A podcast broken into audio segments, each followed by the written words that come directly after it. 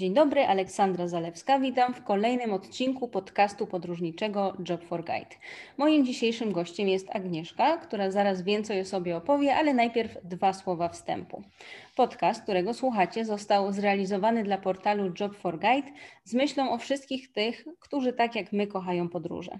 Platforma Job for Guide łączy specjalistów z branży turystycznej, biura podróży z kadrami turystyki, ale także podróżników i turystów z niezwykłymi przewodnikami z całego świata.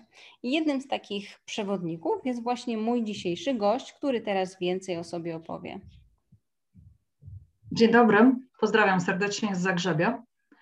Moja przygoda z turystyką rozpoczęła się na dobrą sprawę, no teraz jak policzę, to 20 lat temu, bo w 2002 roku zaczęłam działać jak to zwykle bywa dla studentki, najpierw zaczyna się od pracy pilota. Po, potem, jak uzyskałam uprawnienia, ruszyłam drogą pilota e, wycieczek turystycznych, no i zaczęło się od wahadeł, czyli podróży przede wszystkim w moim przypadku w stronę Grecji i w stronę Chorwacji, a potem w miarę mojego rozwoju e, i wzbogacania mojej wiedzy, bo w międzyczasie byłam studentką filologii słowiańskiej ze specjalizacją kroatystyka, zaczęły się już, y, zaczęłam obsługiwać i wycieczki objazdowe po Chorwacji. Następnie przyszedł też okres, kiedy byłam rezydentem przez kilka dobrych sezonów na różnych wyspach i w różnych miejscowościach turystycznych, na wybrzeżu Morza Adriatyckiego. A potem przyszedł czas na to, że na dobrą sprawę osiadłam tutaj w Chorwacji. Najpierw był to Zagrzeb, potem był Split, a teraz ponownie Zagrzeb. I w międzyczasie udało mi się uzyskać uprawnienia przewodnika miejskiego, tak więc zajmuję się oprowadzaniem turystów zarówno po Splicie i regionie wokół Splitu, a więc żupanie splicko-dalmatyńskiej, a dominującą część uprowadzań teraz stanowi jednak stolica, czyli sam Zagrzeb. Mhm. No 20 lat to rzeczywiście spore doświadczenie e, i przyznam szczerze, że tak, że chyba e, w czasie, kiedy ta Chorwacja startowała, no to pilotaż, e, zwłaszcza wahadła, to był taki typowy sposób na to, żeby zacząć tą karierę. No i do tego kreatystyka, tak? Rozumiem, że w takim razie po chorwacku mówisz tak jak po polsku. Obawiam się, że już teraz po chorwacku lepiej niż po polsku.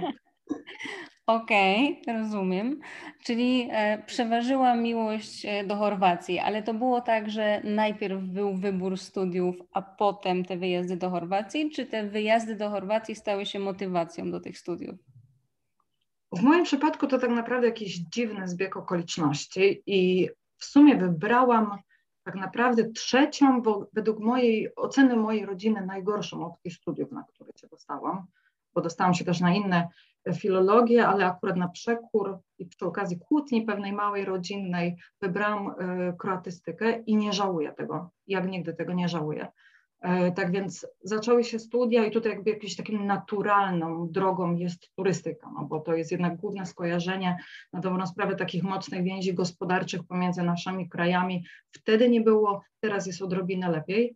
Tak więc y, dlatego ta turystyka. Poza tym w międzyczasie też skończyłam uzupełniające studia polonistyki, to y, takiego nauczania języka polskiego jako obcego i to tak naprawdę podyktowało moje takie stałe życie w Chorwacji, bo zostałam wysłana do Zagrzebia jako wykładowca, jako lektor języka polskiego i tak się zaczęło. Rok akademicki to były zajęcia i wykłady, a sezon wiadomo, ruszamy w drogę i odkrywamy perełki polskim turystom. Mhm. To znaczy, że Chorwaci chcą się uczyć polskiego. Oj tak, to mieliśmy obłożenie pełne na rocznikach. Tutaj w moich czasach wtedy przyjmowano około 30 studentów i mieli chęć, po kilku pierwszych miesiącach te chęci odrobinę tylko padały, bo jak sobie zdawali sprawę, z jakim językiem mają do czynienia i z jaką gramatyką przede wszystkim, to trochę skrzydła, że tak powiem, więdły.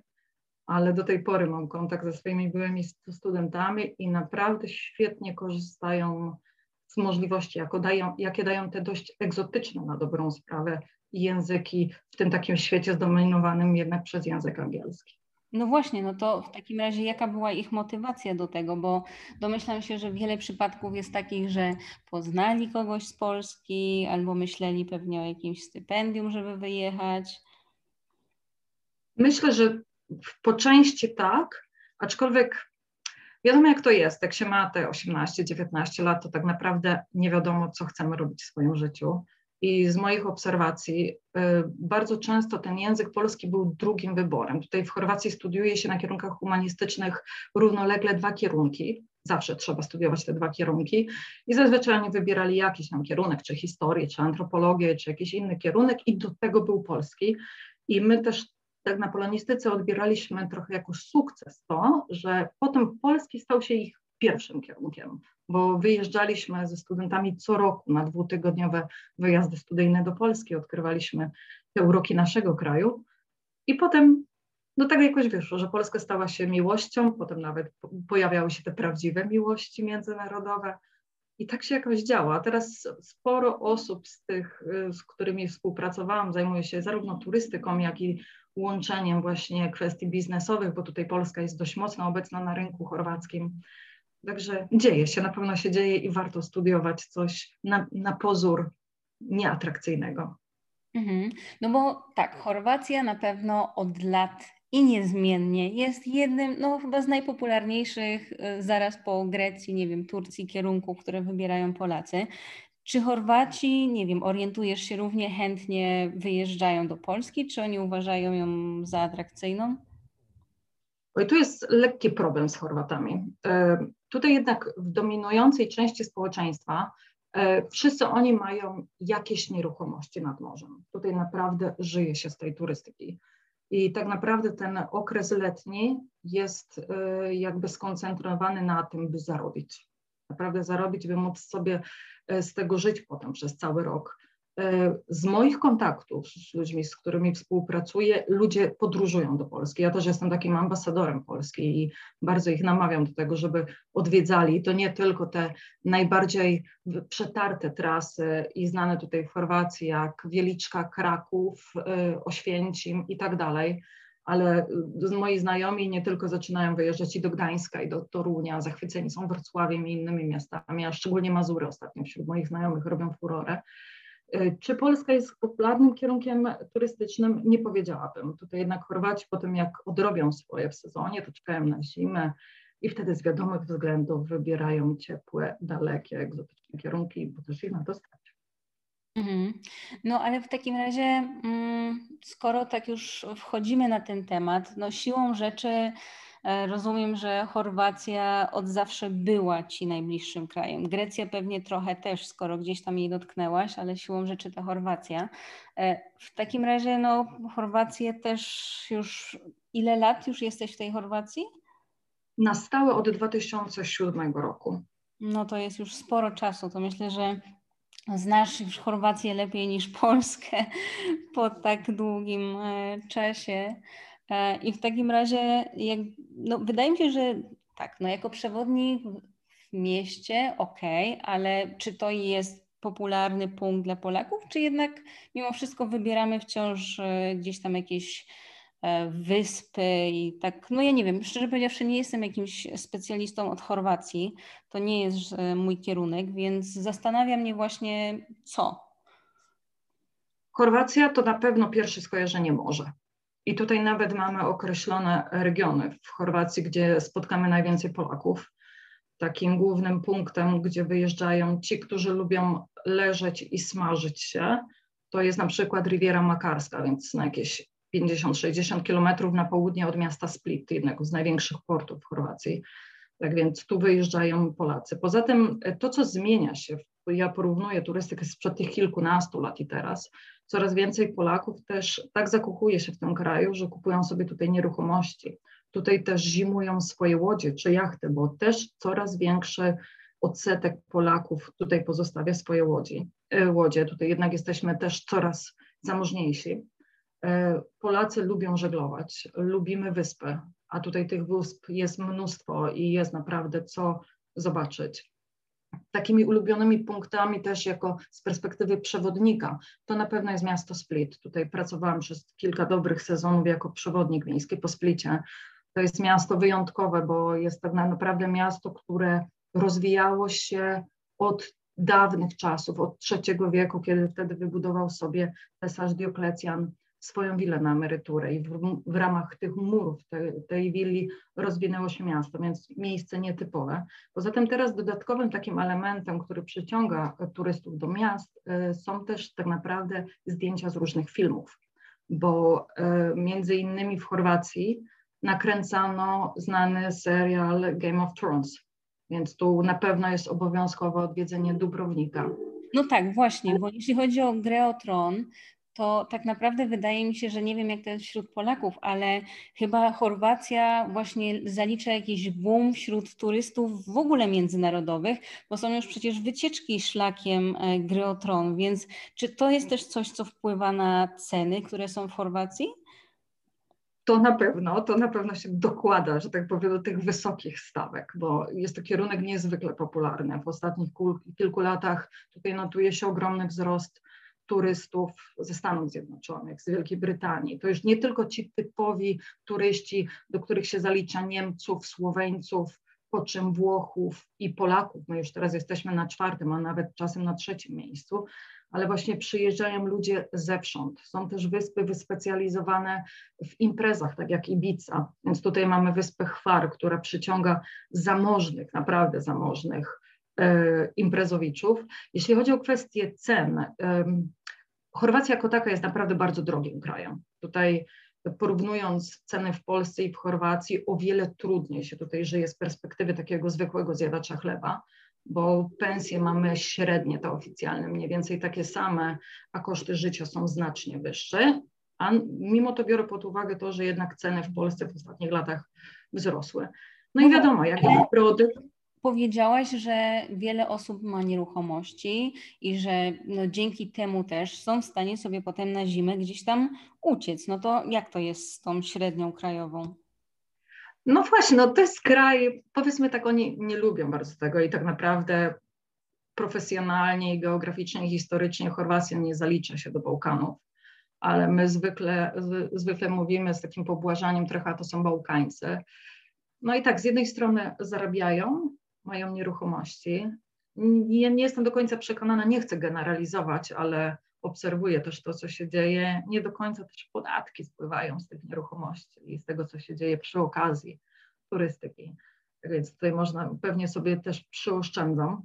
Przeciętny Chorwat, na przykład tak patrząc z perspektywy Zagrzebia, które zupełnie odstaje od tego świata turystycznego Chorwacji, to trudno się żyje. No ale kiedy się ma po ciotce matce, czy po jakimś innym krewnym jedną czy dwie nieruchomości blisko linii brzegowej, i ma się środki na zainwestowanie i wypicowanie tego, mówiąc bardzo kolokwialnie, to naprawdę można sobie ładnie żyć.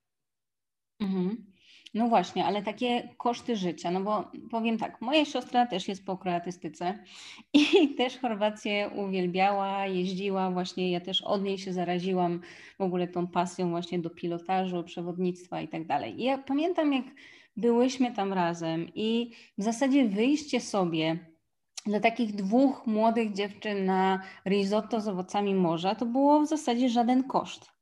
A w tej chwili mówi, że no kiedy? Dwa lata temu, jak jeszcze powiedzmy było to wszystko otwarte, gdzieś tam na jakiejś małej wysepce na, na uboczu 50 e, euro za rybę. No właśnie, to są, to są te bolesne aspekty popularności danego kraju. Chorwaci pozostawiają wrażenie i niestety ja to potwierdzam, że zdzierają, brzydko mówiąc, z turystów. Nadal są miejsca, gdzie można przyzwoicie i za przyzwoitą cenę zjeść, ale tu trzeba naprawdę mieć dobre źródła informacji, gdzie, gdzie w którą uliczkę skręcić i do której konoby e, czy też karczmy zajrzeć. A na tych takich głównych miejscach turystycznych dochodzi do takich absurdów nawet, że zwykłe śniadanie takie w stylu brytyjskim kosztuje nawet 20 euro, co jest absurdem, prawda? Tak więc tu jest ta cena tej masowej turystyki i trochę takiego podejścia, a jeśli ten się teraz sparzy i zapłaci tyle, będzie zbulwersowany, to nieważne, bo i tak przyjadą czy przylecą następnie. Mhm. No i teraz tak, są te kwatery i myślę, że chyba wśród Polaków bardziej są popularne, e, szczególnie dla tych, którzy przyjeżdżają samochodami. E, no ale są też, jest masa chyba wycieczek właśnie objazdowych. Która pozwala, no one się stricte skupiają na Chorwacji, prawda? Z mojego doświadczenia i z tych grup, które obsługuję teraz jako przewodnik, zazwyczaj głównie jest to Chorwacja. Niektóre pro, programy obejmują też Bośnię i Hercegowinę, bo jak już dojedzie się na południe, na poziom pomiędzy Splitem czy Dubrownikiem, to już bardzo łatwo dotrzeć stamtąd do Mostaru w Bośni i Hercegowinie, a raczej w samej Hercegowinie. Tutaj częstym takim punktem wyjazdów do wycieczek fakultatywnych, czy też w ramach programach, programów jest wyjazd do sanktuarium Medjugorje. Nawet niektórzy porywają się na wyprawę do Sarajewa, a to już jest jednak kawałek drogi dalej. Czasami też programy obejmujące Chorwację zahaczają też o Czarnogórę bo kiedy no. na przykład taka grupa nie przyjdzie autokarem, a na przykład jest samolotówką typową lądującą w Dubrowniku czy w Splicie, to można sobie pozwolić na to, żeby od tego Dubrownika te 30 kilometrów na południe dojechać do czarnogórskiej granicy i też zwiedzić tam miejscowości te nadmorskie, które są niezwykle urokliwie, podobnie jak chorwackie. No właśnie, no bo Czarnogóra chyba, zwłaszcza ostatnimi czasy, kiedy Chorwacja no, wchodzi w jakieś chore standardy cenowe, to Czarnogóra robi się coraz bardziej popularna. Ona chyba trochę jeszcze jest do tyłu z infrastrukturą jako taką dla turystów, e, ale no przyznam szczerze, że pamiętam jak jako agent szukałam dla kogoś tam prywatnie e, właśnie jakiegoś hotelu all inclusive w Chorwacji, to był problem, a w Czarnogórze się takie znalazły. No właśnie, tak. E, Chorwacja jako taka ma problem w ogóle z hotelami all inclusive. Tutaj dopiero teraz powoli rozwijają się sieci hotelowe i tak naprawdę są przejmowane przez zachodnie korporacje hotelarskie. E, Czarnogóra zaczęła się bardzo intensywnie rozwijać i tutaj rozwija zarówno tę turystykę luksusową, jak i tę bardziej masową pod właśnie turystów hotelowych.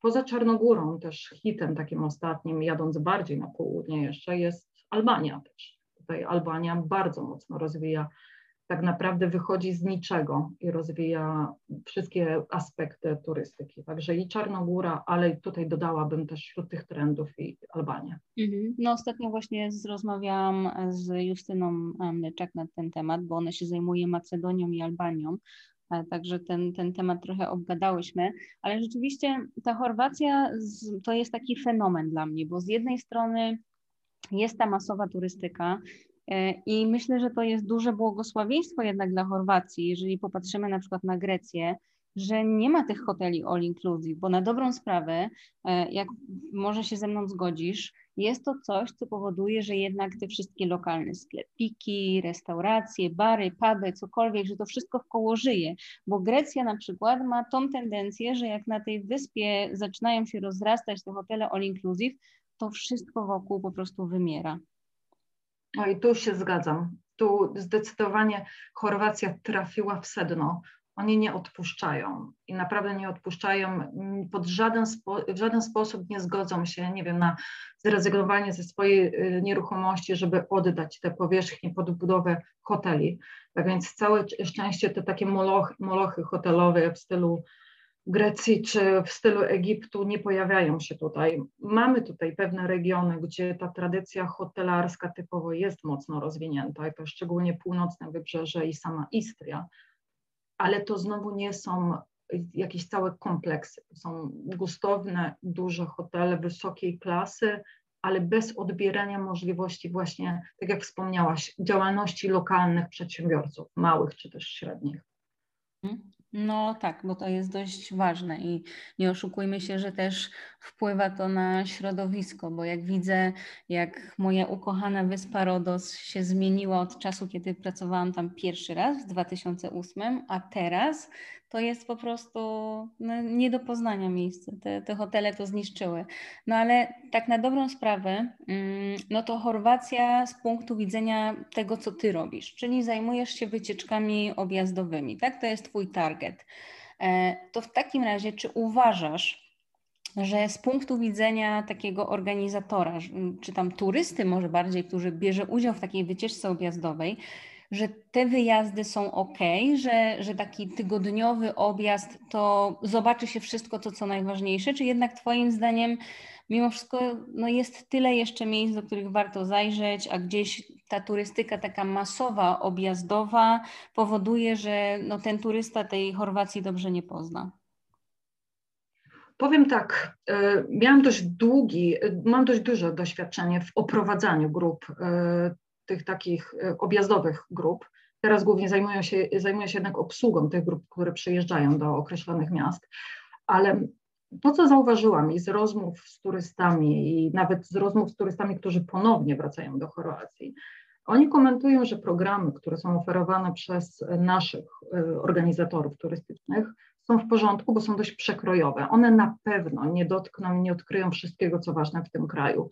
I zauważyłam też, że programy już teraz nie są robione na zasadzie, że jedziemy od północy na same południe i będziemy trzy miejscowości czy cztery e, w, ciągu jednego dnia e, załatwiać, czyli już na pewno nie ma tych takich porywów w stylu turysty z Azji, nie? że nie wiadomo ile miejsc musi sfotografować w ciągu jednego dnia. Tutaj programy są wymyślane tak, że celem jest albo północna część wybrzeża, albo koncentrują się na parkach narodowych, których tutaj jest siedem, y, czy też koncentrują się na tej środkowej i południowej Dalmacji, a więc tej najbardziej atrakcyjnej i krajobrazowej ze względu na klimat i w ogóle takie odbieranie Chorwacji jako takie, bo ja myślę, że w przeciętnym, przeciętnej głowie przeciętnego Polaka to właśnie ta Dalmacja jest takim symbolem Chorwacji. I to, co słyszałam od turystów, którzy korzystają z takich usług, oni mówią, my wiemy, że się umęczymy, my wiemy, że nie za wiele, nie wszystko zobaczymy,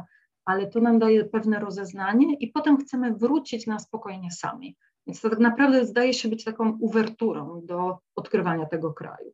I mam tego potwierdzenie, bo bardzo często odzywają się ci turyści przed jakichś e, kilku lat, przed oprowadzań i piszą, o, teraz do, dojechaliśmy na przykład do Primosztenu, w którym się zakochaliśmy na przerwie z drogi do Szybenika czy do Splitu, więc tu ludzie jakby nie planują do Chorwacji przyjeżdżać tylko raz. I to jest dobre.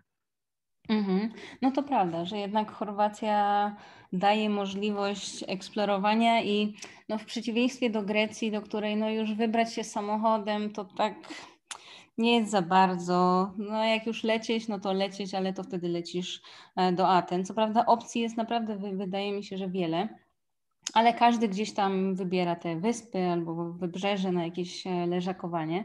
A tutaj ta Chorwacja, no mimo wszystko, tak wydaje się, że daje więcej możliwości takiemu turyście, który no, Myślę, że też budżetowo pewnie e, patrzy gdzieś tam e, na to, albo ma różne oczekiwania. No i właśnie tutaj też e, to pytanie, tak naprawdę Chorwacja jest dla każdego, prawda? Każdy tam znajdzie coś dla siebie.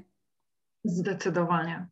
Od morza przez wyspy, ale to też właśnie bogactwo przyrody, bogactwo różnorodnych parków narodowych bo to nie tylko parki Plitwice i Plitwickie jeziora, które prawie każdy zna albo kojarzy z Chorwacją, ale też inne nietypowe, jak Wyspa Mliet, czy też e, północne pasmo Dynarydów Welebit.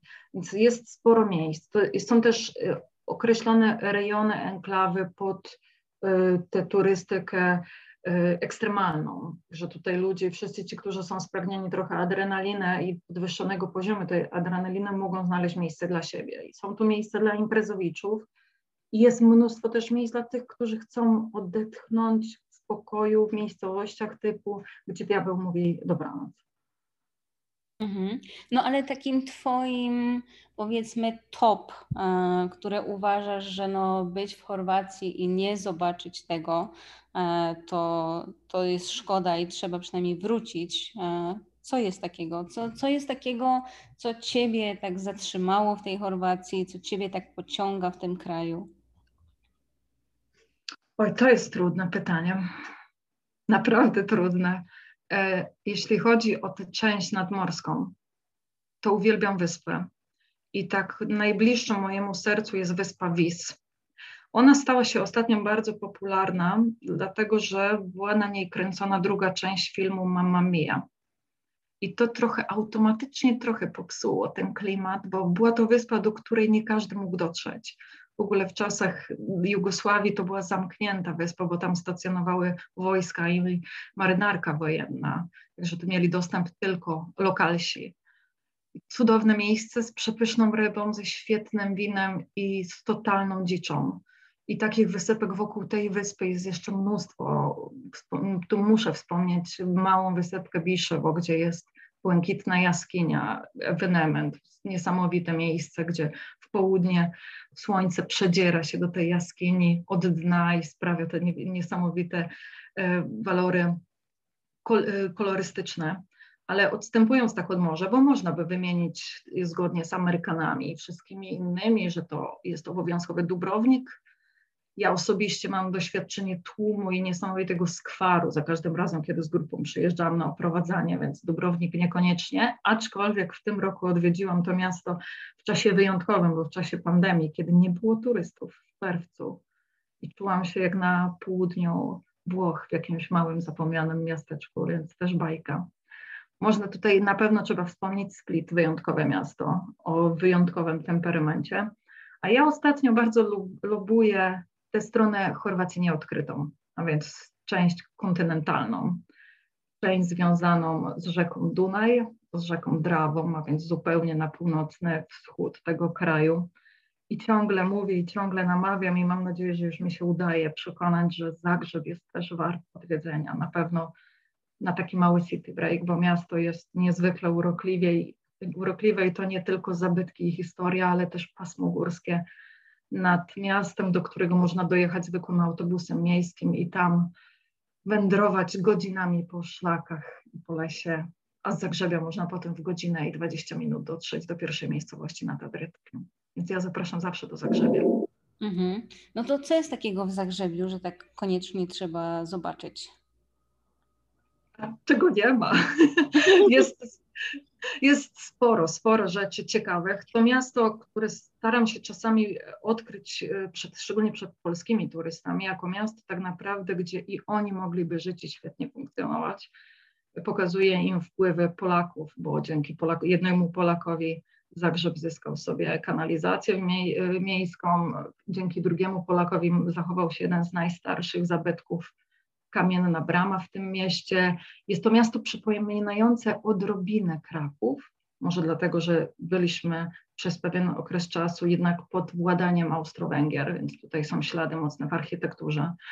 To jest miasto, gdzie las dosłownie schodzi do najważniejszej głównej ulicy w centrum miasta, tak więc to pasmo górskie jakby wdziera się w to miasto. Są jeziora, są świetne muzea, i można by tak wymieniać. I oczywiście walory też zabytków te architektoniczne, więc katedra wyjątkowa, kamienna brama, wieża Loterściak, świetne jedzenie, bo to są takie już zupełnie inne jedzenie, nie to śródziemnomorskie, więc są zapiekane sztrukle, to jest takie zapiekane ciasto naleśnikowe, yy, serwowane ze śmietaną, to jest takie, tutaj jest w ogóle konkretne, takie już zbliżające się nawet do węgierskiego jedzenie jest tu co odkrycia. My bardzo często myśląc Chorwacja, myślimy tylko morze, morze, wyspy i słońca, jest tyle super miejsc, które warto odkryć, tak jak w każdym innym kraju, wiadomo. Mhm.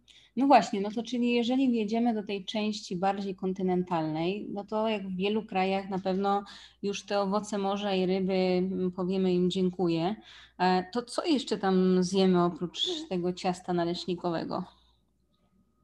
Co da się zjeść. Mhm. E, no, znaczy tak, na pewno nie możemy się wyrzec owoców morza i to jest bardzo łatwe do osiągnięcia, bo codziennie o 5 rano otwierany jest targ rybny w samym centrum, w sercu Zagrzebia, gdzie docierają te ryby codziennie świeże z Dalmacji i z innych regionów nadmorskich, tak więc tu można nadal kosztować tych rozkoszy kuchni śródziemnomorskiej.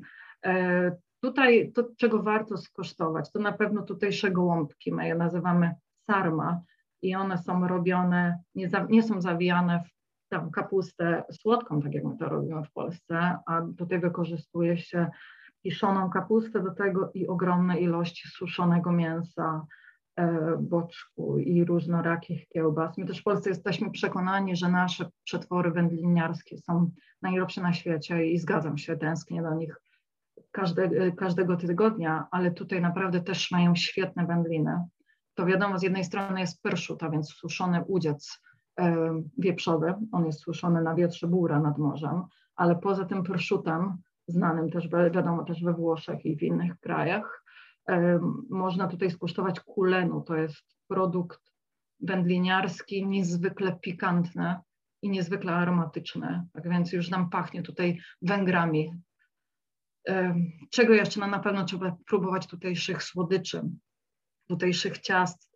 Jest tutaj taka medzimurska gibanica ciasto, gdzie, które jest kombinacją różnych poziomów smaków, a więc przez mak, od, od jabłka przez mak, przez orzechy i ser, po prostu bomba kaloryczna i dzięki temu po zjedzeniu czegoś takiego można ruszyć od razu na pasmo Górskiej Medwednicy z samego centrum Zagrzebia. Że jest czego kosztować. Teraz nie, nie mogę sobie nawet przypomnieć, co mm. warto. Ale jak, jest tych jak ktoś jest wegetarianinem, to da radę? Ależ oczywiście, da radę. Poza tym to, co jest dobre tu w Zagrzebiu, to zawsze polecam. Mamy kilka dobrych restauracji wegetariańskich, gdzie sporządza się dania e, z produktów lokalnych, tutaj e, uprawianych na obrzeżach miasta, tak naprawdę poza miastem, za wzgórzem. Tak więc wszystko jest organiczne, ekologiczne i można sobie popróbować ciekawych smaków z tą lekką nutką chorwackiego klimatu. Mhm. No i oczywiście sery i nalewki. Oj, obowiązkowo, obowiązkowo. Sery zdecydowanie, wiadomo, najbardziej popularnym jest ser z wyspy Pak.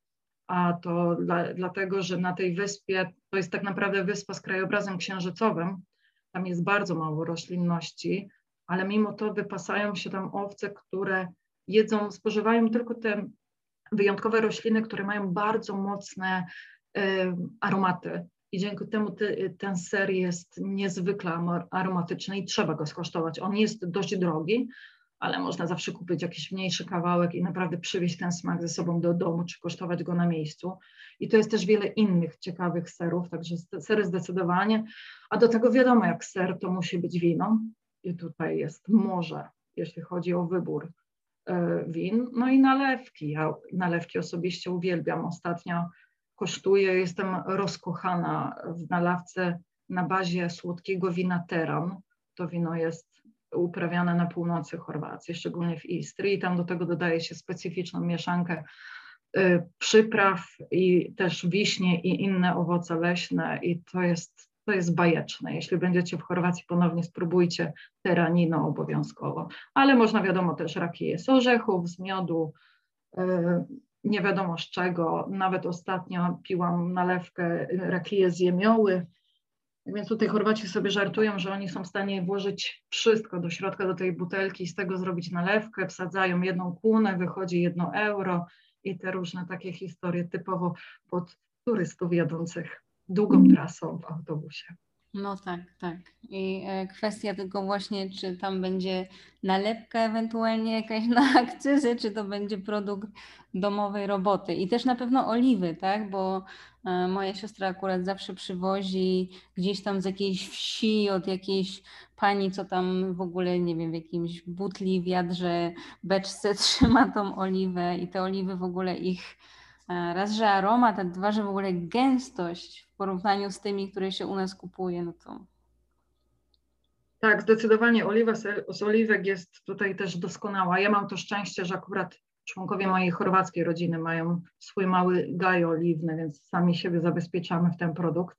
Ale takim trikiem odkrywającym, czy naprawdę mamy do czynienia z dobrą oliwą, jest wystawienie tej butelki, kiedy jest zimno na zewnątrz. Jeśli e, oliwa całkowicie stężeje, jeśli ona stanie się takim masłem, to znaczy, że jest prawdziwą, niemieszaną oliwą, bo bardzo często, szczególnie w sklepach, gdzie oliwa ma niebywale dziwnie niską cenę, jak na tę wartość tego produktu, zdarza się, że do oliwy oli dolewany jest zwykły olej. To niestety całkowicie niszczy ten produkt, więc tu zdecydowanie trzeba sobie znaleźć jednego producenta, jedną wioskę, i tam właśnie nabywać ten, ten produkt. Ale to nie tylko oliwa z oliwek, na przykład w Chorwacji, bo ja tutaj w tej części kontynentalnej rozkochałam się w innym oleju, a to olej z pestek dyni. I właśnie y, z tego oleju słynie ten region wokół Zagrzebia. Niezwykle aromatyczny olej z takim posmakiem orzechów włoskich, więc doskonały do sałatek i innych dań wymagających obróbki termicznej.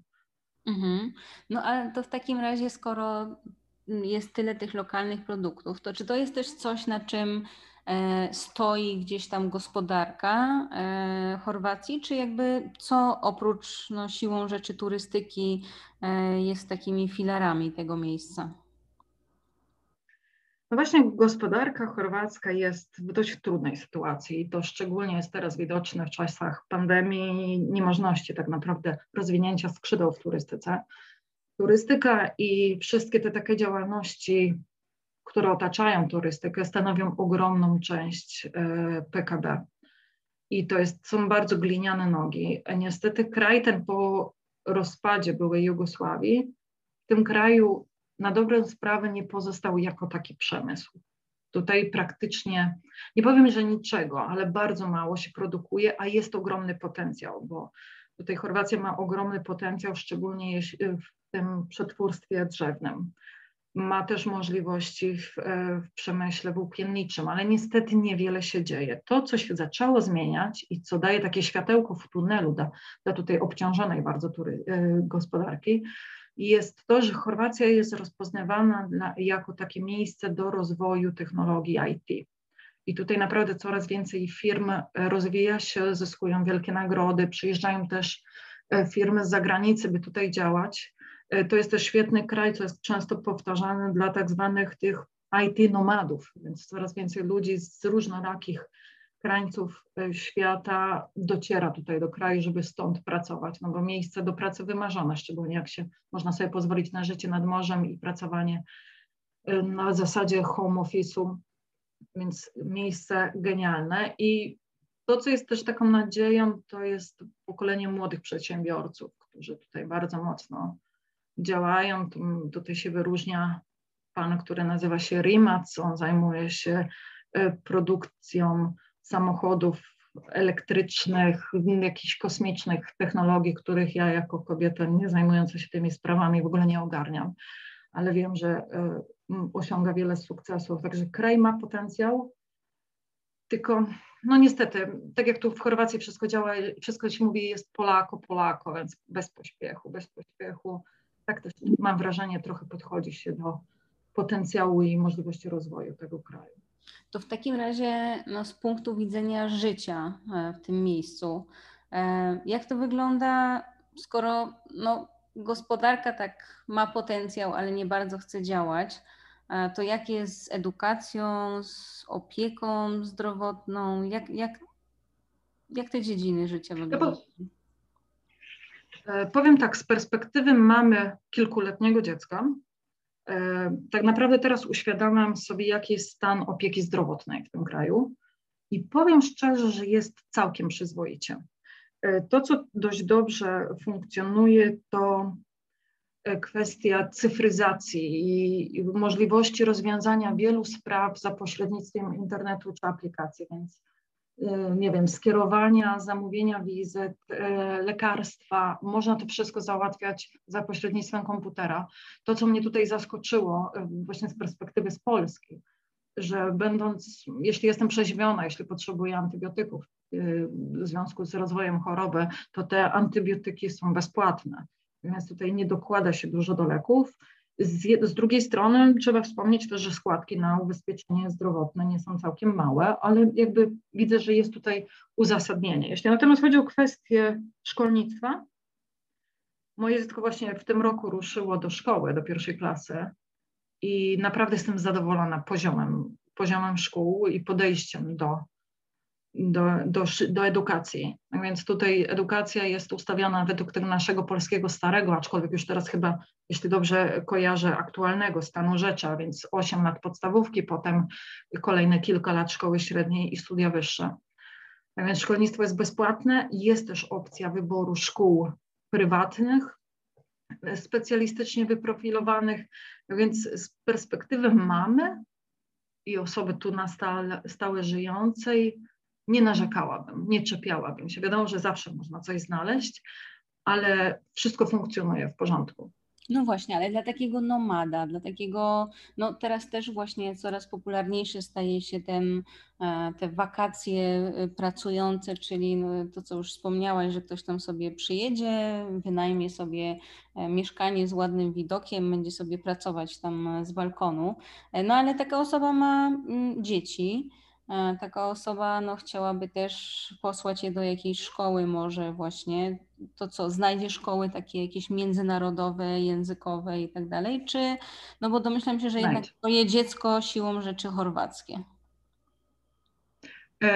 Tu, jeśli chodzi o te kwestie, nie ma większego problemu. Na pewno nie ma problemu ze znalezieniem międzynarodowej szkoły, też zwykłej chorwackiej szkoły z dodatkowym wdrażającym programem. To jest też świetne, bo to pojawia się w szkołach, że wprowadza się dzieciaki niemówiące do tej pory po chorwacku, którzy, które powoli wchodzą w ten system chorwackiego szkolnictwa. Tu moje dziecko ma akurat szczęście, chodzi do takiej szkoły i dzięki temu przyjaciół w klasie ma z różnych stron świata i te dzieci powoli, stopniowo wchodzą w, te, w to chorwackie życie, ale są międzynarodowe szkoły.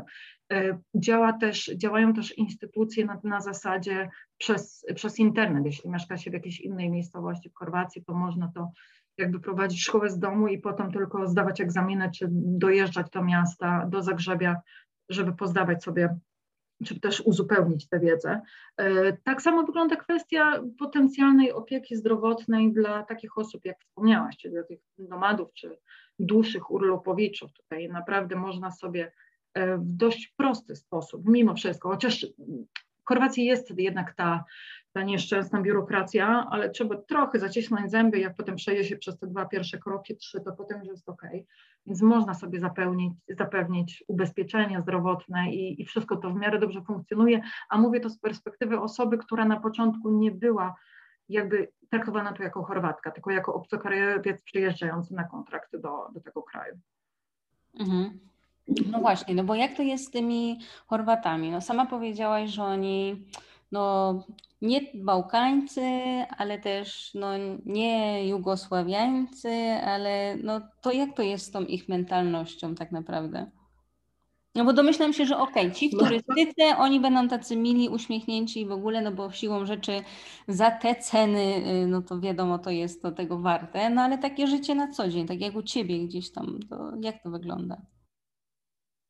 Powiem tak, e, ja mam to szczęście, może nieszczęście, że mój małżonek, który przy, w międzyczasie tutaj pojawił się w moim życiu, on pochodzi z samego serca Dalmacji, ze Splitu, czyli tego najbardziej intensywnego e, pod względem mentalności miasta.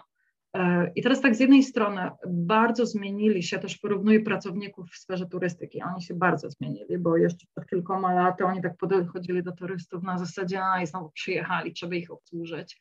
Teraz całe szczęście trochę więcej podróżują, widzą świata i widzą, że nie sposób tak podchodzić do, do turystów na, na tak zwane, na odczepnego.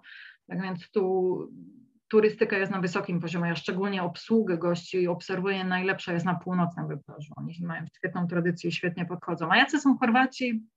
To jest bardzo skomplikowana rzecz, bo na dobrą sprawę tutaj połączyły się trzy mentalności, trzy różne wpływy historyczne, bo jednak widzi się też ten wpływ przez wieki części, gdzie władała Wenecja i gdzie władała Turcja i gdzie władały Austro-Węgry. Także oni są bardzo, bardzo wymieszani. Mój mąż akurat pochodzi z regionu najbardziej wybuchowego, więc mamy dość ciekawie w domu, bo ja też pochodzę ze Śląska, więc ja też nie jestem jakąś tam delikatną panienką. Więc tu jest bardzo, dochodzi do eksplozji, czasami człowiek się czuje jak na południu Włoch, jak ogląda filmy z południa Włoch, w południa Włoch. Natomiast część kontynentalna, y, jestem skłonna powiedzieć, że są bardzo, bardzo podobni do nas, do naszej mentalności polskiej. Może dlatego tak dobrze mieszka mi się w Zagrzebiu, bo są mniej wylewni, mniej tak otwarci, nie rzucają się, nie całują od razu i, i nie wiadomo, co nie robią. Te, te podejście mają takie zwykłe, ludzkie i serdeczne, naprawdę, oni są serdeczni, a to, co mamy trochę wspólnego, jak tak obserwuję, to zarówno Polacy, jak i Chorwaci, my bardzo lubimy narzekać. I to jest taka jakby jakaś taka cecha wspólna. I może dlatego ostatnio Polacy z Chorwatami się bardzo lubią, bo tak usiądą, wypiją sobie te pół butelki wina, czy czasami nawet więcej i zaczną narzekać i od razu odkryją, że łączy ich nie tylko to, że są katolikami, że mieli wspólnego papieża Jana Pawła II, ale też, że w podobny sposób postrzegają rzeczywistość. Okej, okay, rzeczywiście to, to tak, to, to mamy we krwi chyba, ale no bo zastanawiałam się po prostu, no tak, no bo turysta wiadomo, ale takie życie na co dzień, kiedy jednak tak jak wspomniałaś, no jeszcze parę lat temu to było na zasadzie, o Boże, znowu przyjechali, a, a jednak tutaj no też zostałaś e, i, i jak ty jesteś po prostu postrzegana e, przez nich, no bo myślę, że już teraz chyba coraz lepiej. Ojej. W sumie tak naprawdę, jak powiem na przykładzie rodziny mojego męża, ja w ogóle jestem taką wyjątkową chyba, wyjątkowym przykładem. Jak dotarłam do jego rodziny, to wszyscy byli przekonani, a przyjechała Polka, to ona będzie taka cicha, spokojna, to ją sobie ustawimy. No i trochę się mylili, bo trochę jednak bardziej ja nimi ustawiałam niż oni mną, ale to może wynikało z tego, że rozumiałam świetnie język i też dialekt, którym e, oni e, operowali, myśleli, że ja nie będę tego rozumieć. Ale jeśli chodzi o kwestię odbierania obcokrajowców, są bardzo otwarci. Naprawdę są bardzo otwarci i tu szczególnie w Zagrzebiu, tu bardzo dużo mieszka jednak obcokrajowców, bardzo dużo ekspatów. Więc ludzie jakby przywykli do tego, że na ulicach słychać też inne języki. A ja jestem zawsze tą Polką w Zagrzebiu, która mówi z akcentem z Dalmacji. I to zazwyczaj wywołuje takie jakby pozytywne reakcje. Nigdy do tej pory, naprawdę nigdy do tej pory nie, nie doświadczyłam czegoś negatywnego. Mhm. Z, tego, z powodu tego z mojego pochodzenia. Okej. Okay. To w takim razie też e, a propos tej opieki zdrowotnej, nasunęło mi się pytanie właśnie odnośnie tej sytuacji pandemicznej w Chorwacji. Z jednej strony oczywiście jak ona wpłynęła na Twoją sytuację zawodową, e, ale też e, na to właśnie w jakiej, na czym teraz Chorwacja stoi, jak, jak tam wygląda sytuacja, jak Chorwaci sobie poradzili z tą pandemią i czy uważasz, że no już tego lata będzie kolejny jakiś wylew turystów? Sytuacja jest obecnie, sytuacja się tak naprawdę uspokaja. Mamy coraz mniej przypadków zakażeń i zdaje się naprawdę wszystko jakby opadać ten pył. My w ubiegłym roku po takiej całkowicie, całkowitej blokadzie nas od razu w marcu zamknięto w domach i porządnie przestraszono nagle otwarto bramy granic i ruszyła turystyka w połowie lipca. I tak naprawdę plony tego wszystkiego, tej otwartości, nie do końca wszystkiego przygotowanego odczuliśmy potem na jesień, gdzie poważnie rozrosła się y, ilość y, zakażeń i niestety przypadków śmiertelnych. Tak naprawdę dopiero teraz wychodzimy z tej drugiej fali, która była dość bolesna. E, teraz jest, wydaje mi się, że podejście tutejszych władz jest trochę bardziej rozsądne. Jesteśmy trzymani E, że tak powiem, bez możliwości spędzania czasu w kawiarniach i restauracjach i tak dalej. Takie wszystkie te aspekty są zamknięte. Na szczęście dzieci nam wróciły do szkół przed miesiącem. E, jeśli chodzi o mnie, e, no wiadomo, praca zamarła, prawda? Także tutaj nie sposób mówić o tak naprawdę jakimkolwiek większym, sensownym zarobku. Ja tak porównywałam poprzedni sezon 2019 do 2020, to obsłużyłam może 10% grup tego, co mogłam, co obsłużyłam w 2019. Tak więc tutaj ten czas tak naprawdę wymagał dostosowania się do sytuacji i wykorzystania innych umiejętności. Mi na całe szczęście się to udało i, i mogłam, że tak powiem, sobie poradzić finansowo i życiowo w tej, w tej sytuacji. A teraz nie jesteśmy do końca przekonani, jak szybko ruszy ten sezon. Niektórzy nastawiają się, że to już będzie po Wielkanocy, ale obserwując tak realnie, jak się rozwija sytuacja w krajach wokół, w Europie, bo to jest jednak najkluczowe, to nie wcześniej niż w czerwcu i to w drugiej połowie czerwca nie spodziewamy się tutaj napływu większej ilości turystów. Mhm, Okej. Okay. No to w takim razie mm, myślę, że jakbyśmy teraz mogły przejść do tej właśnie takiej zakulisowej części, e, czyli to, co zawsze pytam moich e, gości tutaj, e, najciekawsza, może najdziwniejsza, najstraszniejsza, najśmieszniejsza jakaś sytuacja e, z Twojej e, kariery, no jak już sama wspomniałaś, dwudziestoletniej, więc myślę, że coś tam się na pewno pojawiło. Czym możesz się e, z naszymi słuchaczami podzielić? Uch, ja ostatnio zastanawiałam się bardzo nad tym i jakoś nie mogłam wyłuskać ze swojej pamięci jakieś specjalne wydarzenie, które, nie wiem, rozbawiło i y, by wszystkich i pękalibyśmy ze śmiechu. Bo tych sytuacji było multum, ale nie jestem przekonana, że mogło być y, to coś teraz na nasze spotkanie. Y, z tych takich sytuacji naj, najstraszniejszych, wiadomo, że zdarzały, się sytuacje tragiczne, życiowe, były kwestie śmiertelne i poważnych problemów ze zdrowiem turystów, bo takie rzeczy jednak się zdarzają, to jest życie ale to, co przyszło mi do głowy, to jeden z pierwszych moich sezonów, kiedy pracowałam jako rezydent na Wyspie Korczno. Wtedy stałam dosłownie w środku pola bitewnego, gdzie na plaży przy hotelu w jednej miejscowości na Korczuli doszło do regularnej bitwy pomiędzy, no niestety, polskimi turystami i lokalsami. I tutaj poszły w ruch e, liście palmy, harpuny i karabiny do łowienia pod wodą. Więc czułam się jak w środku filmu jakiegoś sensacyjnego, przynajmniej na planie. I nie skończyło się tylko na tym, że byłam w środku tej sytuacji, bo potem jako jedyna osoba, która władała obydwoma językami, zostałam ściągnięta do, na posterunek policji, gdzie trzeba było tłumaczyć prokuratorów, sędziego i tak dalej. Więc to były takie tak naprawdę pierwsza taka chrzest bojowy mnie jako w drugiej funkcji, funkcji tłumacza, bo tym też zajmuję się poza turystyką. Więc to była taka sytuacja. O innych tragicznych a jak, nie będę A jak to się skończyło, że się tak zapytam? No bo domyślam się, że musiało dość mocno wpłynąć na polsko-chorwackie stosunki. W sumie nie, nie, nie wpłynęło to na tyle. To niestety ale był problem związany też z nadużywaniem pewnych środków. Tak więc to wiadomo, że tutejsza lud, tamtejsza ludność potem jak kurz opadł po tej sytuacji, e, normalnie podchodzili do nas jako takich, ale no nie obyło się bez deportacji, bez sprawy sądowej, tak więc były to bardzo intensywne dni, no i wyjątkowe. A to jeszcze było ciekawe, bo to akurat był ten dzień, kiedy moi rodzice przylecieli na Korczule, żeby mnie odwiedzić w pracy. Więc ja tylko zadzwoniłam, mówię, fajnie, że przylecieliście, wiecie, ale ja teraz muszę załatwić kwestię strzelaniny, więc poczekajcie na mnie na kwaterze. Moja mama to do dzisiejszego dnia wspomina, że na tę wyspę to już nie chce jechać, bo to takie sensacyjne rzeczy się dzieją. Okej, okay, rozumiem. A jeszcze coś um, ciekawego, czy to już, że tak powiem, już w, w, wojna na Korczuli już po prostu pokonała wszystko w kategorii straszne, śmieszne i dziwne zarazem? Chyba, chyba pokonała. Ja, pani, ja przepraszam, wiesz, to jest ty, tyle rzeczy się przez te lata e, wydarzyło, że naprawdę trudno było uzyskać e, coś super zabawnego. To były cudowne momenty spontaniczności. A najdziwniejsze pytanie, które ci zadali turyści?